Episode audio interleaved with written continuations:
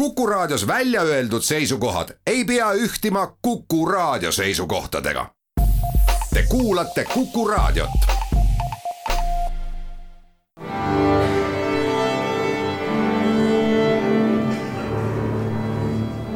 daamid ja härrad, Eesti Kontserdi saade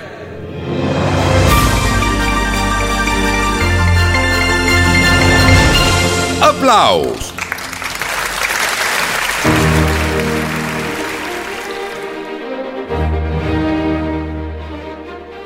tere kõigile, aplaus on eetris, mina olen Lauri Aav.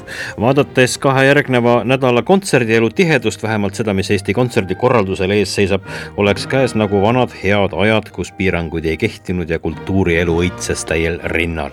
meie eesmärk praegu ongi ju ära hoida seda, et inimeste kultuuri tarbimise harjumused manduks ja kodus Youtube'i ja teleka tarbimine tundubki nagu piisavalt kultuurne olema. teeme siiski omalt poolt kõik, et kontsertide külastamine oleks turvaline nii endale endale kui ka ümbritsejatele ja kanname soovitavalt maske ja haigena kontserdile ei tule. Õnneks ei ole praeguseks teada ka veel ühtki teatri ega kontserdisaali kollet, loodame, et niimoodi jääbki kaheteistkümnes rahvusvaheline festival Klaver on lähiaja olulisim sündmus, mille toimumise võimalikkusele me siin kõik kõvasti pöialt hoiame. kuueteistkümnendast kahekümne kolmanda oktoobrini Estonia kontserdisaalis festivali kunstiline juht on Sten Lasman seekordne klaver toetub minu jaoks otse kui kolmele suurele sambale, need on kolm orkestrikontserti, mille jooksul kantakse ette kõik selle aasta suure juubilari Ludwig van Beethoveni klaverikontserdid.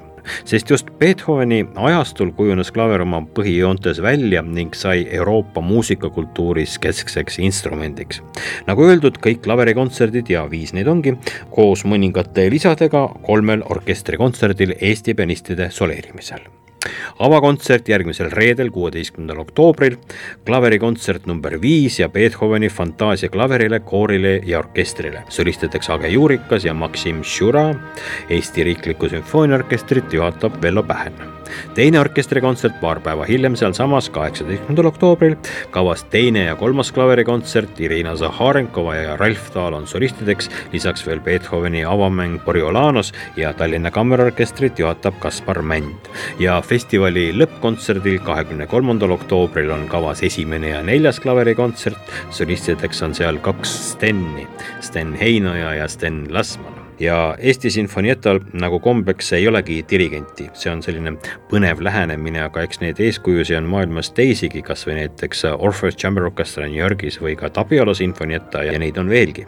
kontsertmeister sel kontserdil on Johannes Põlda ja sinna vahele jääb klaverifestivalil veel mitmeid suurepäraseid kontserte ülikõvade välismaa pianistidega, kes tänaseks on kõik lubanud tulla ja me tegeleme sellega aktiivselt, et see kõik ka toimiks.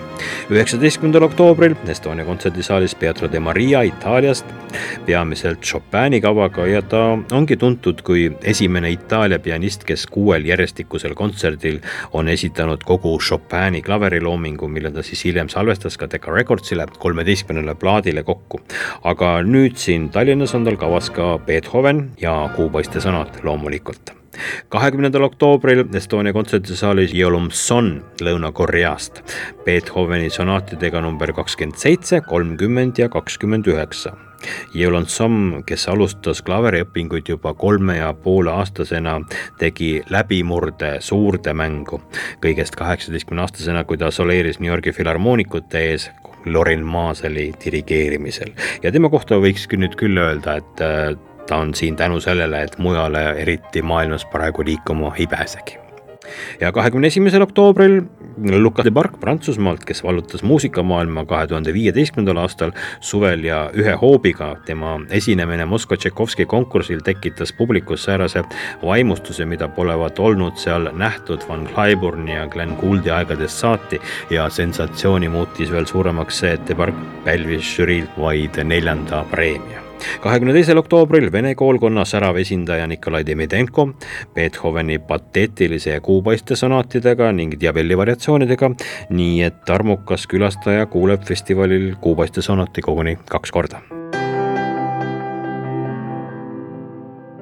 ja lisaks on klaverifestivalil omanäoline erikülaline, kes liitus festivali seltskonnaga, kuna kevadised kontserdid, teate isegi miks, kõik järjest ära jäid.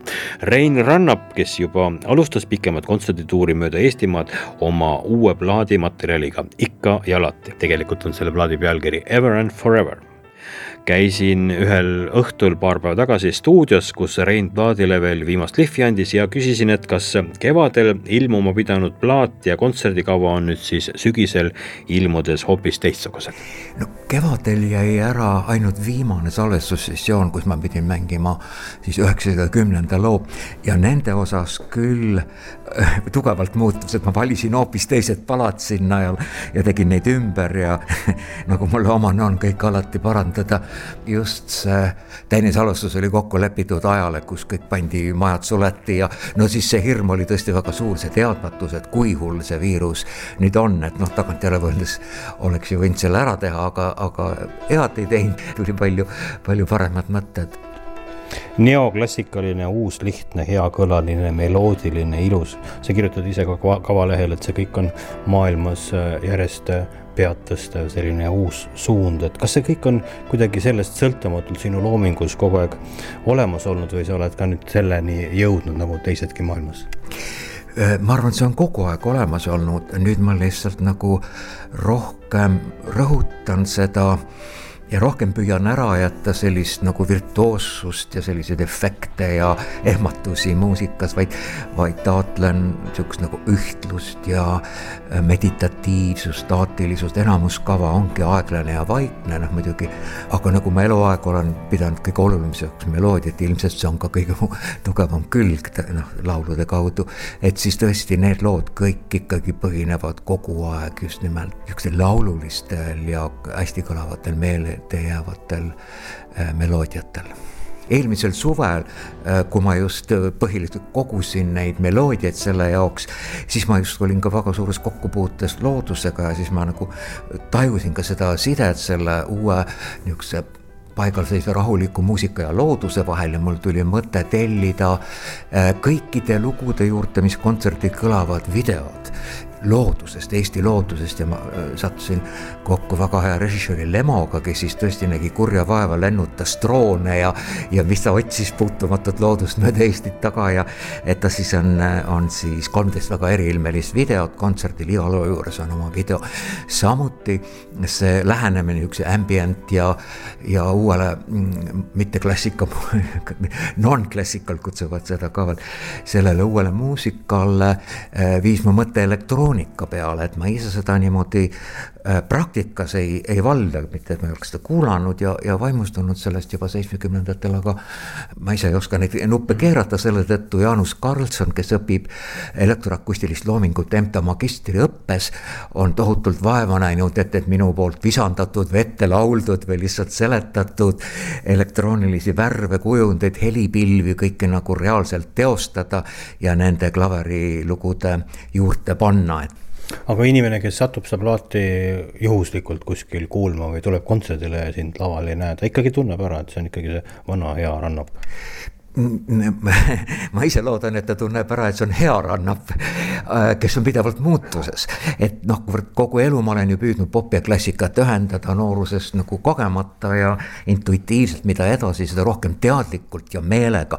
ja praegusel eluperioodil ma üldse enam ei tsenseeri ennast, et kirjutan klassikalistele koosseisudele, aga kui mu inspiratsiooni ideed toovad välja sinna popmuusikat, siis ma lasen selle tervena rahulikult sinna sisse, hoolimata, mis žanris olevaks muusikaks seda teised peavad. vot selle poolest just jah, võiksid kuulajad ära tunda, et see meloodilisus on, on see, mis mul on ära, alati omane ja äh, õnneks ja see, mis on kahjuks, on iseloomustanud võib-olla mu esinemisi teatud liigne aktiivsus, võib-olla isegi agressiivsus kohati seda ma olen õppinud nüüd rohkem valitsema, taltsutama ja selle programmi muusika eeldab ka sellist väga tasakaalustatud esinemist.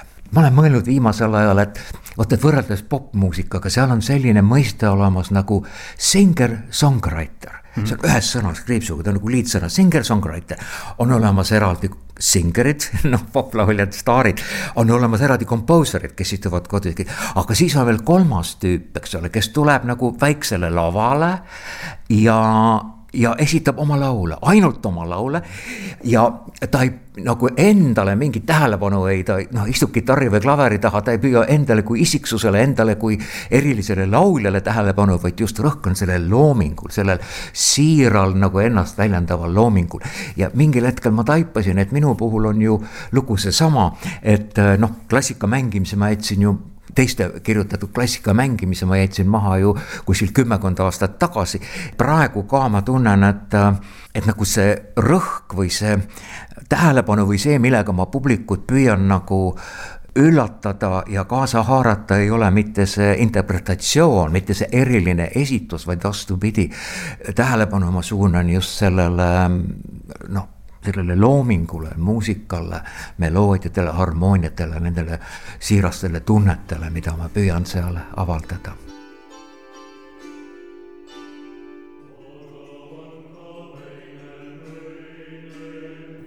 Eesti Rahvusmeeskoor ja dirigent Mikk Ülaja teevad aga kummarduse juubilar Veljo Tormisele, lauldes tema loomingut. Kalevala seitsmeteistkümnes Runo on kontserdi pealkiri ehk siis vipuses käimine. see on otsekui koorisümfoonia dramaatilise Tormisele iseloomuliku tõusva pingelise arendusega suur vorm, mille Ramm tellis tuhande üheksasaja kaheksakümne viiendal aastal oma toonase Soome ringreisi jaoks ja lisaks on kavas veel Tõnu Kõrvitsa uus teos Kuud triptühhon, mille meie siis ehk Eesti Kontsert koos Tõnuga läinud sügisel RAM-ile juubelipuhuks kinkisime kontserdid on kolmeteistkümnendast kuueteistkümnenda oktoobrini Tartus, Tallinnas, Pärnus ja Jõhvis.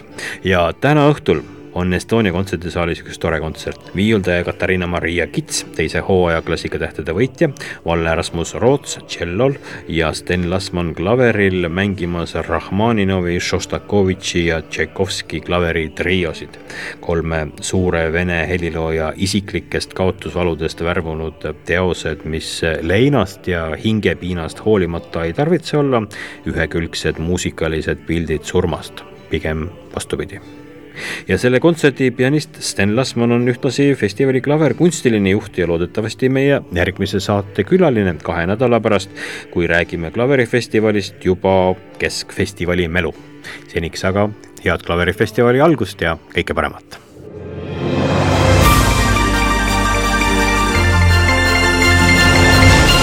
aplaus